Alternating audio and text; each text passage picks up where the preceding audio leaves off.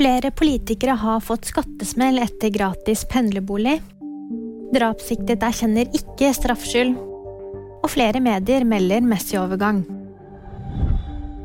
Torgeir Knag Fylkesnes fikk en skattesmell på 477 000 kroner for gratis pendlerbolig. Tre SV-topper må ut med store beløp etter skatteetatens granskning.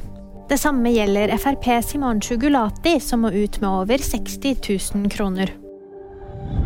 Mannen som er siktet for drapet på Grønland, erkjenner ikke straffskyld. Han var inne til avhør hos politiet søndag. Politiet har også søndag kveld pågrepet og siktet enda en person i saken. Flere medier melder at Lionel Messi skal være nær en overgang til den amerikanske klubben Inter Miami. Han vil da forlate PSG til sommeren. Fotballjournalist Fabrizio Romano sier at Messi ikke har bestemt seg ennå, og at PSG vil tilby stjernen en ny avtale. Og VG-nyhetene de fikk da meg, Jamunprit Gahr.